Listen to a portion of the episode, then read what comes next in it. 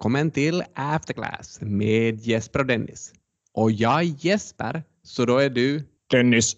perfekt. Hur gick det nu med Sampo? Har de blivit något simplare?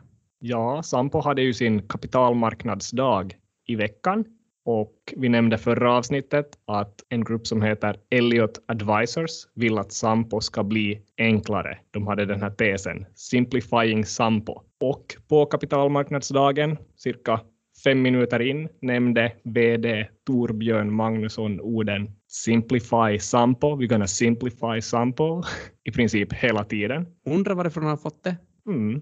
Efter några minuter till sa han att vi ska minska vårt Nordea-innehav inom 18 månader. Så ganska i linje med önskningarna från Elliot. Vid 16 minuter sades att förvärvsaptiten är väldigt låg. Man är inte hungrig på uppköp överhuvudtaget. Igen, någonting som Elliot nämnde i sin rapport. Ja, det är ganska nära alltihop. Så jag tror att alla blev ganska nöjda och i slutet så avslutar Björn Nalle Valros med eh, lite closing remarks med pariserhjulet i Nice bakom sig. Så han befinner sig i södra Frankrike och gottar sig. Ja, det låter som det var riktigt gemytlig stämning på Sampos kapitalmarknadsdag. Absolut. Något annat som hänt i veckan är väl att den här GameStop-historien fortsätter lite? Ja, nyheten kom väl att deras eh, ekonomichef eller Chief Financial Officer ska gå. Brukar det vara lite positiva reaktioner på till exempel VD-byten eller finansieringschefsbyten? Ja, det borde väl vara så, speciellt om man tänker att den gamla trotjänaren inte har kanske gjort det bästa jobbet. Så i det här fallet gick väl kursen upp över 100 procent. Ja, det verkar ju inte som aktiemarknaden tyckte att den här finansieringschefen hade gjort ett bra jobb åtminstone. Har vi något annat kvar från förra veckan som vi ska följa upp? Ja, alltså vi pratade lite om det här Kreate och deras börslistning. De kom in, man fick köpa aktier vid listningen för 8,20. Direkt vid listningen så öppnade man på cirka 12.30 och slutade kanske dagen någonstans kring 11.40. Så en cirka 40 procentig uppgång där direkt. Okej, så det här är alltså ett praktexempel då egentligen på en här, sån här IPO underpricing eller listningsunderprissättning. Jo, och det vittnar väl kanske lite om det här att det finns ett hårt sug efter att få köpa sån här typen av aktier, eller aktier generellt. Jo, man kan ju tänka redan att de här 16 000 som ville vara med på Creates IPO 18 Fick ju, 000, 18 000 fick ju endast aktier till ett värde av 280 80 euro.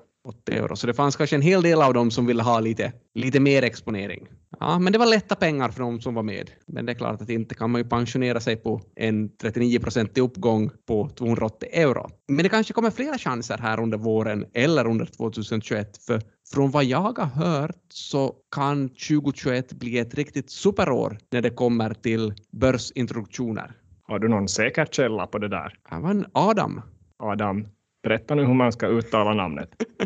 Adam Kostial, noteringschef på Nasdaq, som tror att 2021 kommer att bli ett rekordår när det kommer till börsintroduktion eller noteringar. Då. Han hade till och med sagt någonting att det kanske blir fler noteringar i år än under hela föregående årtiondet. Just det, ja. Så vad kunde då tänkas komma in på Helsingforsbörsen? Ett bolag som det varit snack om längre tid och som åtminstone har utgett sig tidigare för att ha planer på att börslistas är ju Vasabolaget Virja.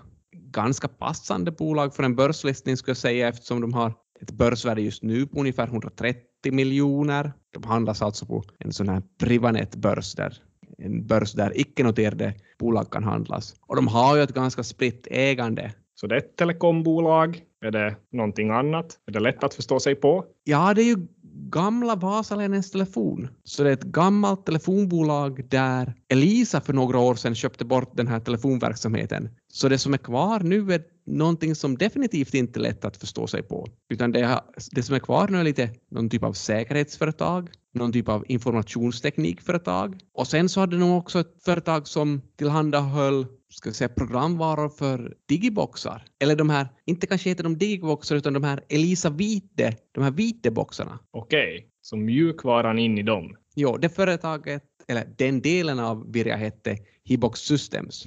Så det är inte lätt att förstå sig på, men lite på det här börsintroduktionsspåret och lite på det här Sampo-spåret så försöker Virja kanske göra sig mer beredda för en börsintroduktion. Så här i veckan så bestämde de att de säljer bort sitt dotterbolag Hibox. Så det ska vara Simplify Virja.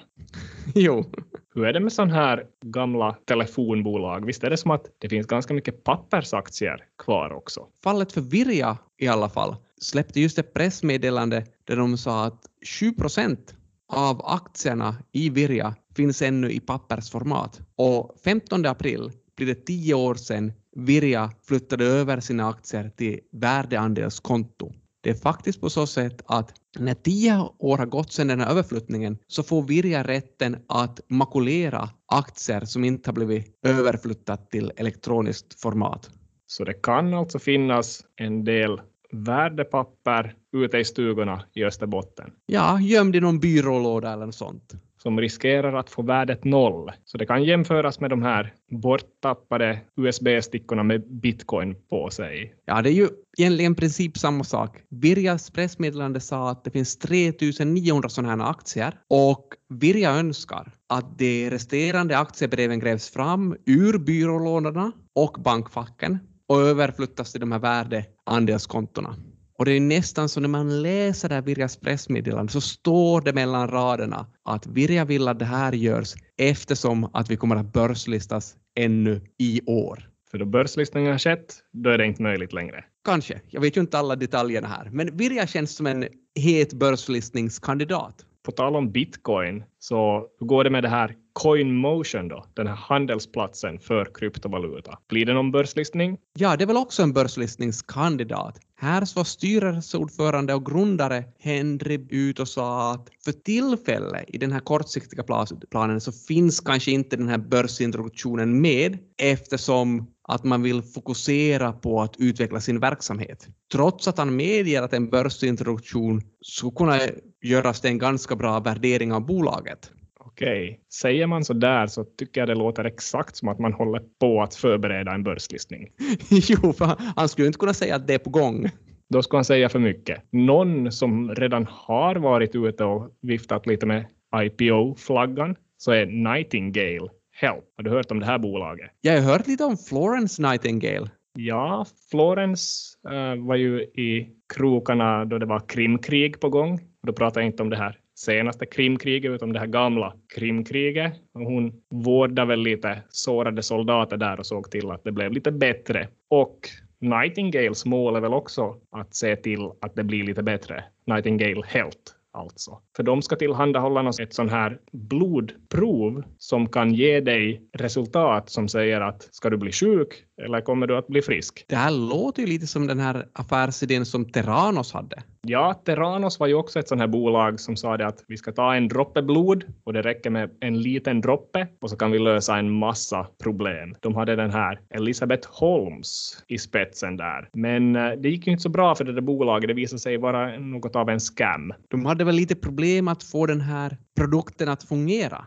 Ja, i alla intervjuer nu med Nightingale så frågas den här vdn hela tiden att vad är det som gör er annorlunda än Terranos? Och svaret som den här vdn och grundaren Teemu Suna ger i sådana fall är alltid det här samma att jo, jo, men Terranos, då ridån gick ner så visade det ju sig att de inte har någon teknologi som kan ge lösningen. Vi har ju teknologin. Ja, och vi hoppas att det också är sant när ridån går ner. Jo, någon gång 2021 ska den här börslistningen äga rum och det skulle vara fint med ett finländskt bolag som skulle lösa alla världens problem. Funderar på lite klädtips till den här Suna, så om jag var han så skulle jag inte använda en svart polo. Vi kunde ge ett litet boktips här också. Och det skulle vara den här Bad Blood, Secrets and Lies in a Silicon Valley Startup. Ja, och för de som vill ha lite enklare, lättsmält material så finns ju också en HBO-dokumentär som heter The Inventor Out for Blood. Ja, man får ju ganska roliga titlar med det här ordet blood. Jo, och den där blodtörsten på aktiemarknaden kan alltså fortgå om Nightingale lyckas bra. Borde våra lyssnare vara med på de här börsintroduktionerna? Men på kort sikt ser det väl helt bra ut, bara med det här Kreate som exempel. Ja, och man hör ju ofta också historier om att det kan vara ganska bra på lång sikt. Ja, skulle man ha investerat i Amazons IPO 1997 och till exempel satt 10 000 dollar i den IPOn så skulle man vara en deka-miljonär idag. Vad betyder det där, deka? Ja, det är väl tiotal, så det blir ju som en, en miljonär som har mer än 10 miljoner euro då, eller dollar i det här fallet. Det låter som en väldigt bra och långsiktig investering. Ja, och det är ofta de här historierna som kommer upp när det kommer till att investera i börslistningar. Det finns ju förstås också forskning om det här och den forskningen visar att det kanske inte är så bra att investera i börsintroduktioner på en tre till fem års sikt. Kanske har det någonting att göra med det här att många gånger börslistas företag i ett tillfälle då det är så gynnsamt som bara möjligt så att aktieägarna då kan få ut mycket pengar. Jo, de gamla aktieägarna vill ju förstås ha så mycket pengar som möjligt av den här introduktionen. Och det är till och med bara så att det är inte bara tajmingen som man kanske försöker få perfekt, man kanske försöker få det här resultat och balansräkningen att se så bra ut som möjligt också. Ja, det är ju det där att vid en börslistning så skapas väldigt många dokument, bland annat kommer det här bokslutet med som ett slags bevis på historisk lönsamhet i det här bolaget och eftersom det används som någon slags grund till priset som ska komma så kanske det finns lite incitament att också sminka till det där bokslutet. Jo, det finns forskning som tyder på att en del av den här låga avkastningen för börslistade bolag beror just på att deras resultat har blivit styrt för att se bättre ut än vad det kanske egentligen är. Ett äh, färskt exempel på det där skulle kanske kunna vara det här gamingbolaget i Sverige som kallas Thunderful Group. Så de börslistades december 2020, så relativt nytt bolag på First North i Sverige. I dagarna kom de med sin eh, rapport för fjärde kvartalet som kanske inte var särskilt bra och det ledde till att aktien djupdök ganska ordentligt. Så alltså de gjorde sin IPO i december, så det har ju bara gått en under 90 dagar. Så egentligen vid börslistningen så visste man egentligen om det mesta av hur det hade gått. Och kvartalsrapporten visade alltså att personalkostnaderna hade ökat med 74 procent. Avskrivningarna hade ökat med 137 procent. Så för mig ser det här ut som att man har helt klart sminkat till det här bokslutet lite, försökt få ner kostnaderna och upp resultatet så länge det gick och så länge det fanns motiv att ha en hög värdering. Och det här gick ungefär i 90 dagar? Jo, sen tog det stopp och det verkar fortsätta neråt också, så inte positivt.